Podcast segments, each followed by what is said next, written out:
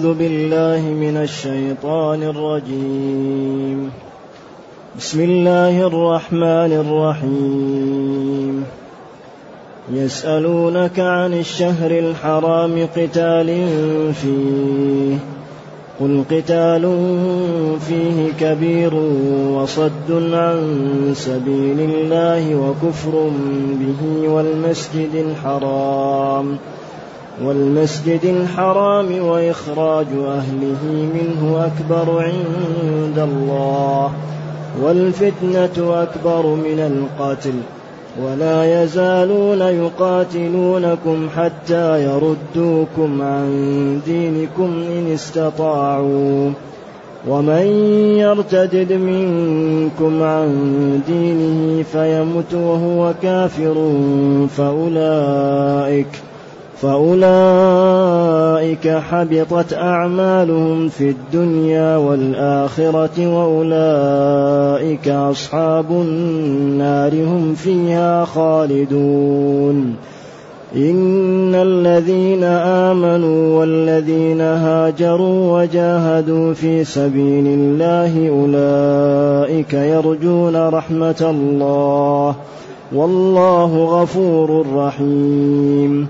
يسألونك عن الخمر والميسر قل فيهما إثم كبير ومنافع للناس وإثمهما أكبر من نفعهما ويسألونك ماذا ينفقون قل العفو كذلك يبين الله لكم الآيات لعلكم تتفكرون في الدنيا والآخرة ويسألونك عن اليتامى قل إصلاح لهم خير وإن تخالطوهم فإخوانكم والله يعلم المفسد من المصلح ولو شاء الله لأعنتكم إن الله عزيز حكيم. الحمد لله الذي أنزل إلينا أشمل الكتاب وأرسل إلينا أفضل الرسل وجعلنا خير أمة أخرجت للناس. فله الحمد وله الشكر على هذه النعم العظيمة والآلاء الجسيمة. والصلاة والسلام على خير خلق الله وعلى آله وأصحابه ومن اهتدى بهداه. أما بعد فإن الله جل وعلا يبين في هذه الآيات أحكام لخلقه لتكون سببا في سعادة من وفقه الله لامتثال أوامره وتكون سببا في شقاوة من أعوذ بالله أبعده الله عن يعني اتباع دينه. ولذلك نحن خلقنا للابتلاء. هذه الدنيا ابتلاءات. أرسلوا الرسل وأتى معهم بأدلة ونظام ليقول بعض الناس سمعا وطاعة فيكرمه الله ويدخله الجنة. ويقول بعض ويقول بعض الناس لما يرسل لنا بشر؟ لما لا تأتينا الرسل؟ لما لا تأتي الملائكة؟ ويكذب فيدخل عياذا بالله ماذا؟ النار. إذا هي الجنة ابتلاء الدنيا ابتلاءات. لذلك الله ينزل رسله وتبين للناس أحكام ينبغي أن يسلكها حتى يبقى كل واحد على بصيرة من أمره. فهنا قال أول كتب عليكم القتال وهو كره لكم. هذه الآيات مليئة بالأحكام. سورة البقرة هي سنام القرآن. ومليئة بالأحكام ومليئة بأمور الأمة تحتاج إليها. ولذلك يسألونك يسألونك. قال كتب عليكم القتال وهو كره لكم. شوف كتب عليكم في حال كرهه. الله يعني لا يخفى عليه شيء. أوجبه وهو يعلم أننا نحن نكرهه. حتى لا يكون واحد يقول هذا صعب هذا صعب. الله يعلم. بعدين قال عسى أن تكرهوا شيئا وهو خير لكم. فيه الغنيمة فيه الجنة. فيه العزة فيه الرفعة. وعسى أن تكرهوا تحبوا شيئا وهو شر لكم وهو الجلوس فيه الضعف فيه الهوان فيه تسلط الأعداء فيه دخول جهنم. ثم لما أرسل النبي صلى الله عليه وسلم عبد الله بن جحش ومعه سرية ثم ذهبت إلى نخلة بين الطائف ومكة وأصابوا هناك عيرا لقريش كانت تحمل الزبيب وتحمل الأدم وقتلوا ابن الحضرمي فراحت قريش وقالت محمد صلى الله عليه وسلم يعني استحل الشهر الحرام وروجوا القضية ووقع في نفوس المسلمين وبالأخص الذين باشروا القضية ألما. فنزلت الآية. تبين أن الاعتداء في الشهر الحرام أنه أمر شنيع. ولكن أسمع منه ما فعلت قريش. قال يسألونك عن الشهر الحرام قتال فيه. سألوه هل يجوز القتال في الشهر الحرام؟ ولذلك قلنا قتال بدل اشتمال لأن الشهر القتال اشتمل عليه الشهر. كما قال راقني محمد جماله. اشتمل على الجمال اشتمل الشهر على القتال. هذا يقال له بدل الاشتمال ويتسامح فيه ما لا يتسامح في بقية أنواع البدن. قل لهم قتال فيه كبير. ولكن صد عن سبيل الله وكفر به وصد عن المسجد الحرام وإخراج أهل المسجد الحرام منه وهم المسلمون أكبر عند الله أعظم. هذا خبر المبتدأ بعد ثلاثة جمل متعاطفة. والفتنة التي هي الشرك وأذية الناس وإرغامها على الخروج من دينها أشد عند الله من القتل. ثم بين أن الكفار لا يزالون يقاتلون المسلمين ويضايقوهم حتى يخرجوهم عن الإسلام إن استطاعوا. ولكن هذا مستبعد. مستبعد أن المسلمين يتركون الإسلام. ثم خوف وهدد وقال ومن يرتد منكم عن دينه؟ ويمت وهو كافر فأولئك حبطت أعمالهم. إذا الردة خطيرة جدا. والإنسان إذا ارتد لا يدري يمكن يؤخذ تؤخذ روحه في ذلك الوقت. فلذلك الله يقول ولا تموتن إلا وأنتم.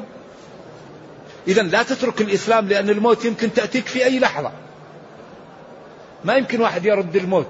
إذا ينبغي الإنسان دائما يتمسك بالدين. حتى تأتيه الموت وهو إيش؟ على الإيمان. ولا بد أن يفهم المسلمون أن أعداءنا لا ينامون. يخططون ليل ونهار.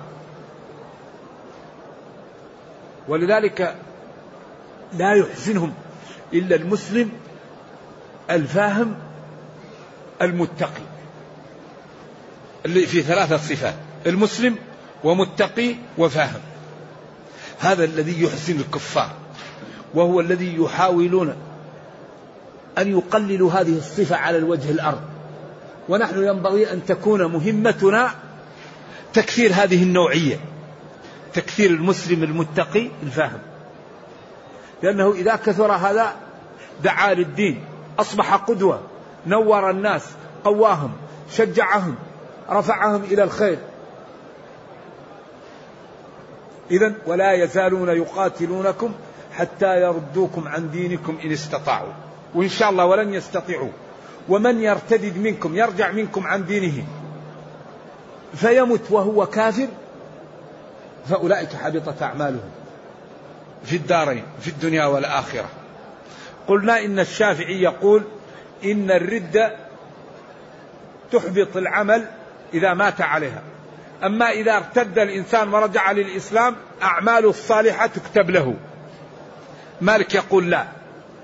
الردة تجب ما قبلها كالإيمان. فإذا ارتد الإنسان يجب عليه أن يحج من جديد. وإذا ارتد الإنسان انتقض وضوءه. لأن الكفر ناقض للوضوء. لأن الله يقول ومن يكفر بالله فقد حبط عمله والوضوء عمل. فانتقض به الكفر. وأولئك أصحاب النار هم فيها خالدون. أصحاب الشيء الملازم له. هم لا غيرهم. خالدون لا يخرجون منها. ثم إن هذه السرية قالوا نحن قد لا نجد الأجر لكن كيف إيماننا بعد أن قدمنا على قتل ابن الحضرمي في أول رجب؟ قال الله تعالى إن الذين آمنوا إن حرف توكيد الذين جمع الذي اسم موصول آمنوا تشمل أركان الإيمان الستة وأركان الإسلام الخمسة. لأن الإيمان إذا جاء بمفرده يشمل أركان الإيمان وأركان الإسلام. والإيمان إذا أطلق أن تكون المعلومة في القلب ما هو مثل الاستسلام. الاستسلام هو التصديق والانقياد الظاهر. أما الإيمان هو إذعان النفس. ولذلك قال له أو مؤمن؟ قال لا. قل أو مسلم. قالت الأعراب آمنا. قل لم تؤمنوا ولكن قولوا أسلمنا. ولذلك الإيمان إذا خالط بشاشة القلب لا يقاوم. ونحن في هذا العصر الذي أصبح كل واحد يعرض بضاعته. ينبغي أن نعرض الإيمان عرضا جميلا حتى ندخله في قلوب الناس. لأنه في هذا العصر لا ينفع إلا إدخال الإيمان في القلوب. لأن الأطباق الموجودة والقنوات وطرق الفساد والإنترنت والشبكة العنكبوتية هذه أصبح وسائل مذهلة. إذا لا ينفع إلا أننا ندخل في قلوب الناس الإيمان. فإذا أدخلنا الإيمان في القلب وأراد شخص أن يفسد المسلم يقول كما قال نبي الله تعالى يوسف لما غلقته زليخة الأبواب وقالت هيت لك ماذا قال؟ قال معاذ الله معاذ الله. إنه ربي أحسن مثواي. إذا حري بنا أن ندخل في قلوب الناس الإيمان وأن نفهمهم هذا الدين وأن ننبههم أن هذا الكتاب هو يهيئنا للرحيل القرآن كله يهيئ هذه الأمة للدار الآخرة. قل متاع الدنيا قليل. والآخرة خير لمن اتقى ولا تظلمون فتيلا فمن زحزح عن النار وأدخل الجنة فقد فاز. وما الحياة الدنيا إلا متاع. لتبلون في أموالكم وأنفسكم ولا تسمعن من الذين أوتوا الكتاب من قبلكم ومن الذين أشركوا أذى كثيرا. وإن تصبروا وتتقوا ولنبلونكم. إذا هذه الدنيا هي دار ابتلاء ودار امتحان. فينبغي للعقلاء أن يجتهدوا حتى ينجحوا وحتى يرجعوا إلى أوطانهم. لأن المسلم وطنه الحقيقي ما هو؟ الجنة. ولكننا سبي سبانا العدو.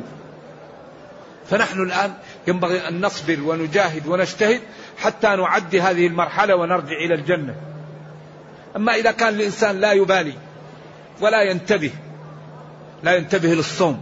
هذا الصوم من أكبر جرعة لترقية الإيمان الصلاة. إذا كان لا ينتبه لهذه الروافد التي تقوي الإيمان وترفع الهمة تكون فائدتها قليلة. لذلك الله قال كتب عليكم الصيام كما كتب على الذين من قبلكم إيش؟ لعلكم تتقون. هذا بعدين قال كما كتب وقال أياما هذا نوع من التخفيف ونوع من الملاطفة. كتب عليكم الصيام كما كتب.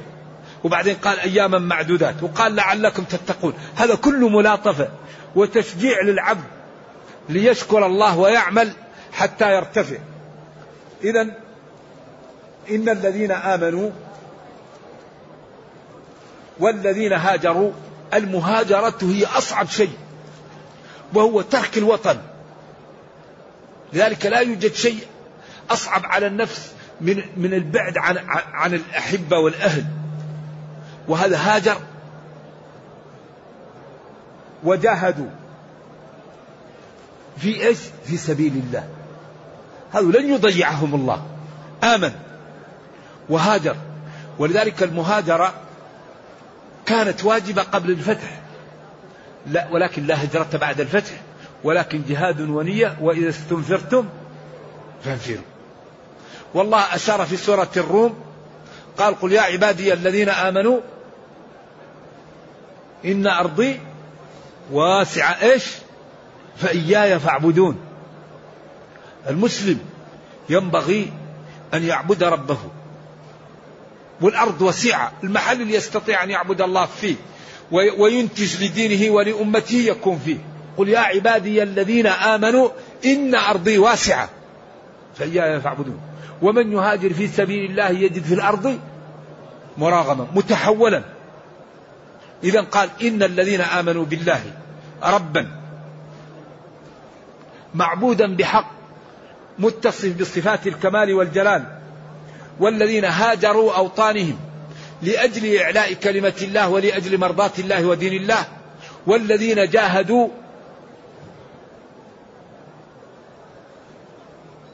في سبيل الله.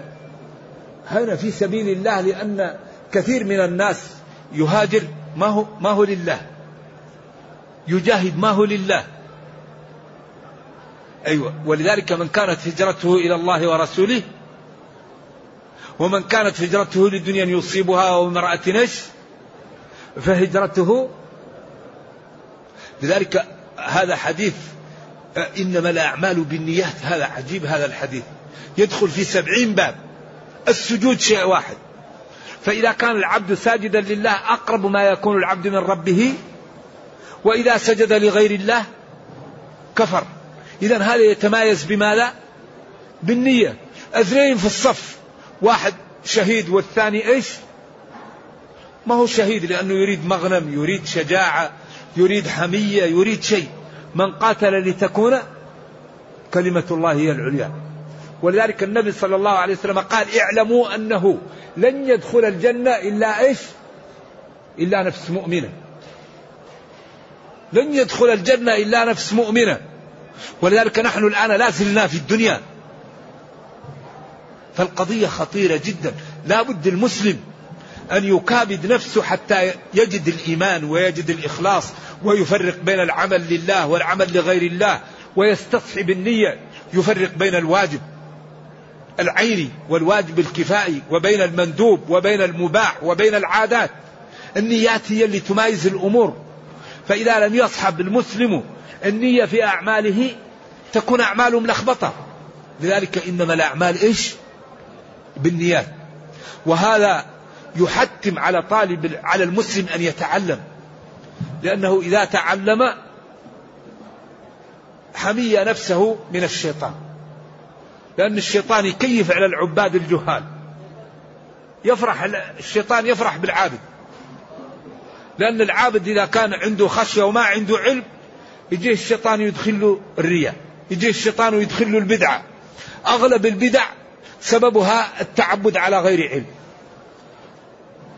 واحد يتعبد ويحب أن يزيد في الطاعة ويقول لك أنا بعد العصر ما رأيت أحد يصلي أنا أريد كل يوم أصلي بعد العصر 12 ركعة.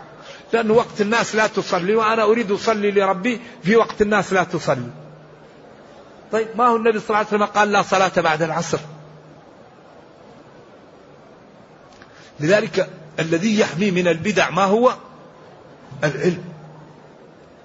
العلم ولذلك العلم أجر عجيب العلم نفعه عجيب. إذا رأيت رجلا يطير وفوق ماء البحر قد يسير ولم يقف عند حدود الشرع فإنه مستدرج وبدعي فبعض الناس يأخذ الغرفة ويضع فيها حفرة ويضع في الحفرة نور ويلبس ثياب بيضاء ويطفي السراج ويجوا الناس ويقولوا الشيخ فيه نور فيه نور انت حاط مولع لمبة تحتك يا أخي عيب هذا.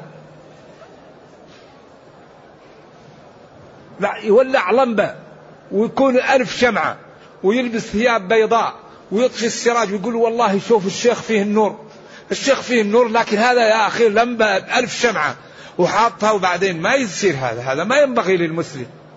ومن السنة أن المسلم يحاول يختفي بعبادته وبالأخص العبادة الغير واجبة يحاول إذا كان عنده خير ما يظهره للناس. أما إذا كان الإنسان يعمل ويقول أنا عامل وأنا لذلك الرجل الذي قال صلى فأعجبني فصام فرابني. خلي القلوص عن المصلي الصائم. واحد رأى واحد يصلي فأعجبته صلاته قال أنا أريد أن نترك خلوص أمانة عندك. قال له تراني بعد صائم. قال له صلى فأعجبني فصام فرابني المسلم إذا كان عنده عبادة ما يخبر بها الناس. العبادة بينك وبين الله إذا استطعت أن تخفي أعمالك الغير واجبة أعملها. إلا إذا أردت أن تكون قدوة في الخير. يعني تظهر الأعمال الخير لأجل أن يستن بك وأن تكون قدوة في الخير. هذا تؤجر عليه. لكن بشرط هذه النية. إذا يقول هنا وهاجروا وجاهدوا في سبيل الله. أولئك. من هذه صفتهم؟ يرجون رحمة الله. لا يريدون غير ذلك. والله غفور لذنوبهم رحيم بهم بخلاف من كان سابقا الذي يشهد الله على ما في قلبه وإذا تولى سعى في الأرض ليفسد فيها ويهلك الحرث والنسل. هذا الذي كان أخنس بن شريق هذا والجماعة اللي معهم اللي يقسم أنا أريد الدين والله أحب الإسلام فإذا اختفى. ولذلك الفرق بين المتقي وغير المتقي أن المتقي إذا غاب عن الناس جد في الطاعة. استغفر الله لا إله إلا الله سبحان الله اللهم اغفر لي اللهم أعزنا اللهم ارفع عن المسلمين. وغير المتقي إذا غاب عن الناس لا يذكر الله. الفرق بين المخلص وغير المخلص أن المخلص إذا غاب عن الناس يزيد في الطاعة ويحب الخير. وغير المخلص إذا كان أمام الناس استغفر الله استغفر الله. وإذا ذهب الحال ما يقول استغفر الله هذا مشكل. فلذلك لا ينجي إلا إيش؟ إلا الحق. الله لا يقبل إلا الحق. لا يقبل إلا ما كان له. ولما كانت أمور الدنيا لا تنضبط إلا بالظاهر نحن في الدنيا أمورنا منضبطة بالظاهر. إذا رأينا الشخص يعتاد المساجد ويظهر السنة ونقول حياك الله هذا من أهل السنة. وإذا رأينا الشخص يظهر الفسوق نقول هذا من أصحاب الفسوق. لكن الله لا يقبل إلا ما كان له. ولذلك أول من تسعر بهم النار من؟ القمم الذين لم يصدقوا. القمم الذين لم يصدقوا هم أول من تسعر بهم النار. فينبغي للمسلم أن يبادر. يبادر ويصدق ما يصدق. يصدق. ويعلم أن الله لا يقبل إلا ما كان له. ثم قال يسألونك عن الخمر والميسر. هذه أحكام أيضا. كان عمر يقول اللهم بين لنا في الخمر. وقال العلماء نزلت في الخمر أربع آيات. الآية الأولى في سورة النحل. وكانت الإشارة فيها نوع خفاء. ومن ثمرات النخيل والأعناب تتخذون منه سكرا إيش؟ إذا الرزق الحسن مقابل السكر، إذا السكر ما هو رزق حسن، لكن هذه إشارة فيها نوع من الخفاء. ومن ثمرات النخيل والأعناب تتخذون منه سكر، على أصح التفاسير، أنه الخمر الذي يسكر، وقيل غير ذلك، ورزقا حسنا فدلت الآية على أن السكر إيش؟ أنه ما هو رزق حسن. ثم جاءت الآية الثانية وهي هذه. قل فيهما إثم كبير أو كثير في القراءة الأخرى. ومنافع للناس. ثم جاءت الآية الثالثة وهو أن الصحابة قام أحدهم يصلي بعد أن شربوا فقال قل يا أيها الكافرون أعبد ما تعبدون. فنزلت الآية لا تقربوا الصلاة وأنتم. فأصبحت لا تشرب إلا بعد الفجر بعد الفجر أو بعد العشاء لأنه ما ظن لأن الثمل يروح عنه السكر في هذا الوقت. ولذلك من أخطر المعاصي الخمر ومشتقاتها. أيوة. لأنها تذهب العقل فإذا ذهب العقل الإنسان يمكن يقدم على كل شيء. إذا هي أم الخبائث. أخطر شيء الخمر. والخمر ما خامر العقل.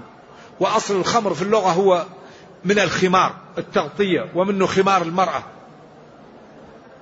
و سمي الخمر خمرا لأنه يخمر أو لأنه إذا شربه الإنسان غطى عقله. وأصل الخمر هو عصير العنب.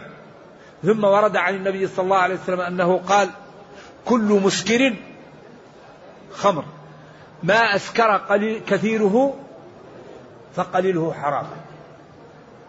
ولذلك نزلت الآية الرابعة إنما الخمر والميسر والأنصاب والأزلام رجس من عمل الشيطان فاجتنبوه. فقال عمر انتهينا انتهينا.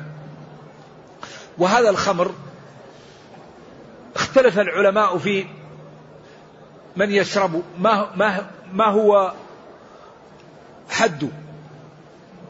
فالنبي صلى الله عليه وسلم جلد نحو من أربعين بالجريد والنعال. وكان علي يقول لم أحد شخصا ويموت. ويبقى في نفسي منه شيء إلا إيش؟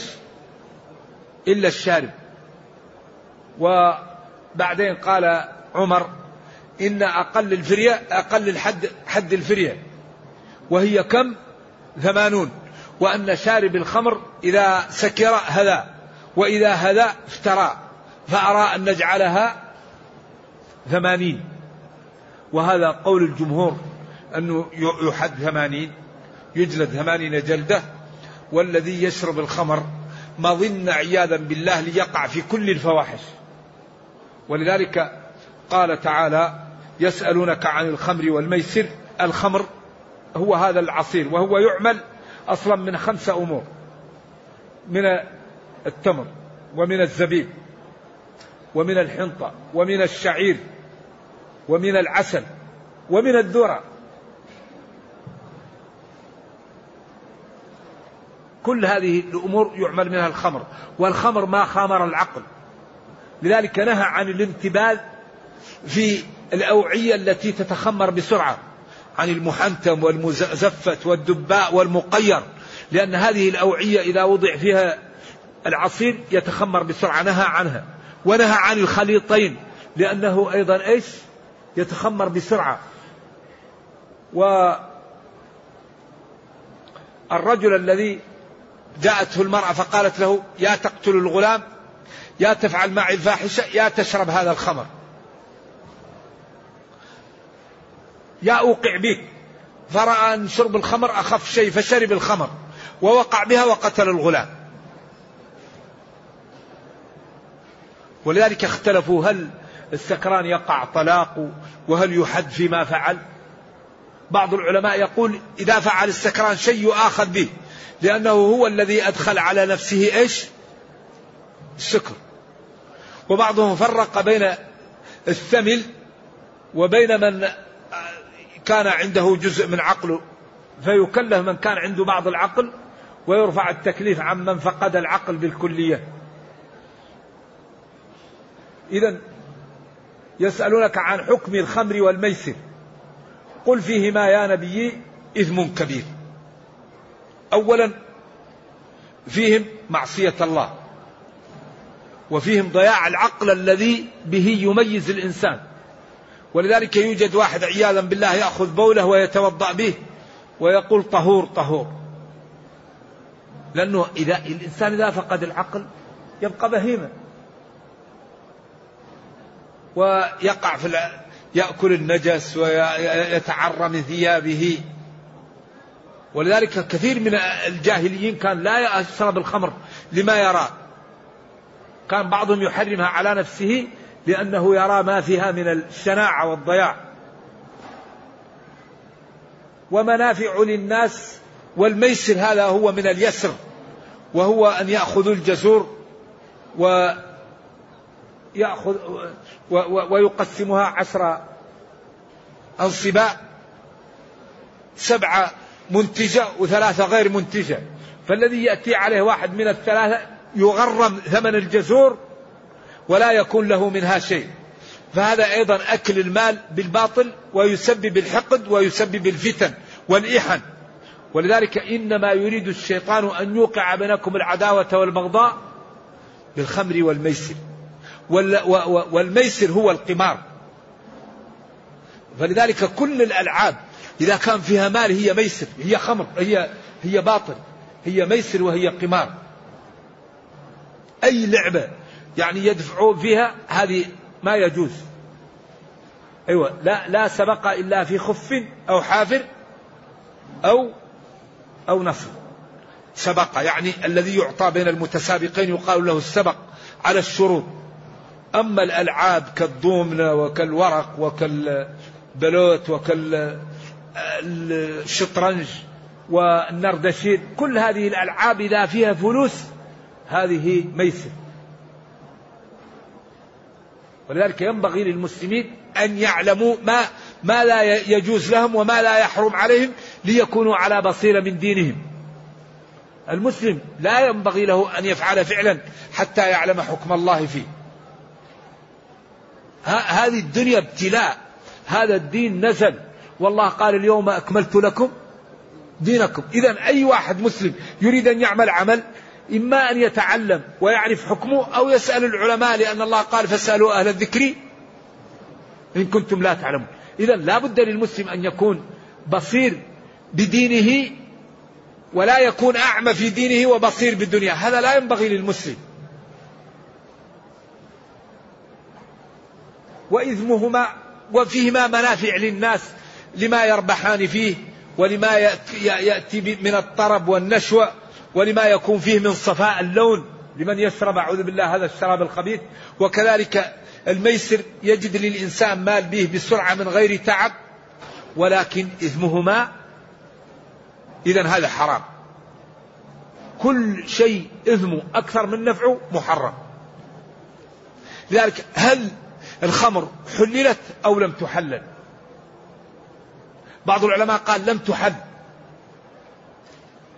وإنما هذا وصف لها. وبعض العلماء قال هذا صار تحليل لها إذا هي منسوخ هذه الآيات منسوخة. و و والرفع البراءة الأصلية لا يسمى نسخ النسخ رفع الحكم.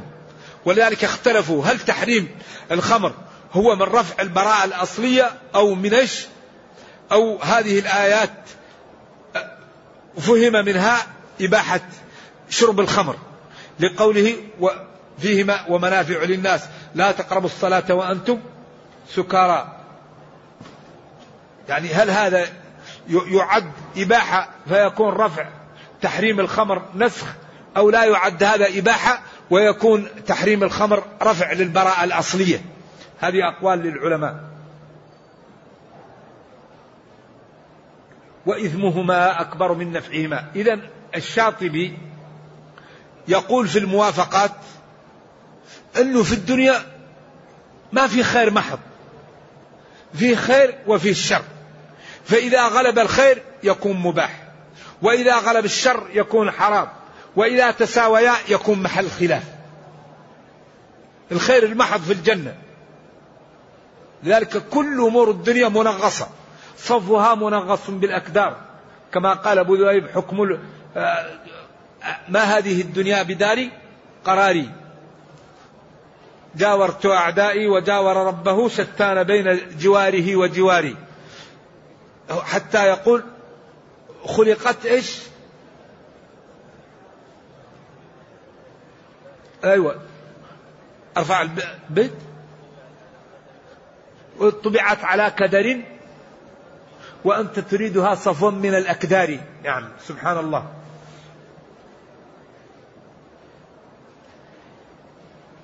ويسألونك ما لا ينفقون. قل العفو قل العفو. هذه الآيات مليئة بالأحكام الحقيقة. ما الذي ينفقون من أموالهم؟ قل العفو ما زاد على الحاجة الضرورية. العفو ما زاد على الحاجة الضرورية. تشتري طعام تشتري كسوة. يكون عندك منزل. يكون عندك قوتك. لكن اللي حاجة على الضرورية أنفقه. وبعدين كأن هنا هذا ما هو للوجوب. هذا للإرشاد. وللنبل. يسألك ما لا ينفقون من أموالهم. قل إيش؟ العفو الزائد على الحاجة الضرورية. العفو قراءة الجمهور. ينفقون الزائدة أو هو العفو. الذي ينفقونه العفو. أي الزائد. هو الزائد. حتى عفوا والعفو هو الزائد على الحاجة الضرورية. ولذلك من العيب أن يكون المسلم عنده المال وحوله الناس جوعانا. من عدم المروءة أن يكون الإنسان جاره جوعان وهو شبعان. من عدم المروءة أن يكون الإنسان له أقرباء لا يملكون شيء ولا يفطن لهم. ومن نعم الله على العبد أن يعطيه مالا ويجعل حاجات يأتوه الناس يريدون حاجاتهم. هذه نعمة. فينبغي للمسلم أن يشكر ما أعطاه الله ويشارك. استبقوا الخيرات.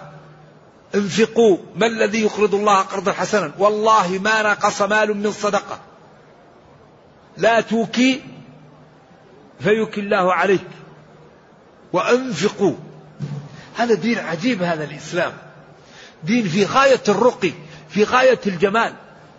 ولذلك أعطى لكل منفق إيش؟ وكل ممسك إيش؟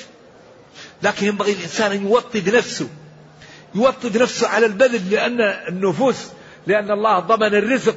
لكن جعل النفوس تحب المال. قالوا هذا من قوة الضمان. لأن الله قال وما من دابة في الأرض إلا على الله رزقها. لقوة الضمان الواحد ما يقدر ينام يفكر في المال. لأن الله ضمن له المال فلازم هو يتسبب. فينبغي. ولذلك ولكن أيضا إذا أنفق لا ينفق كل شيء. إن المبذرين كانوا ولا تبسطها ما أجمل هذا الدين.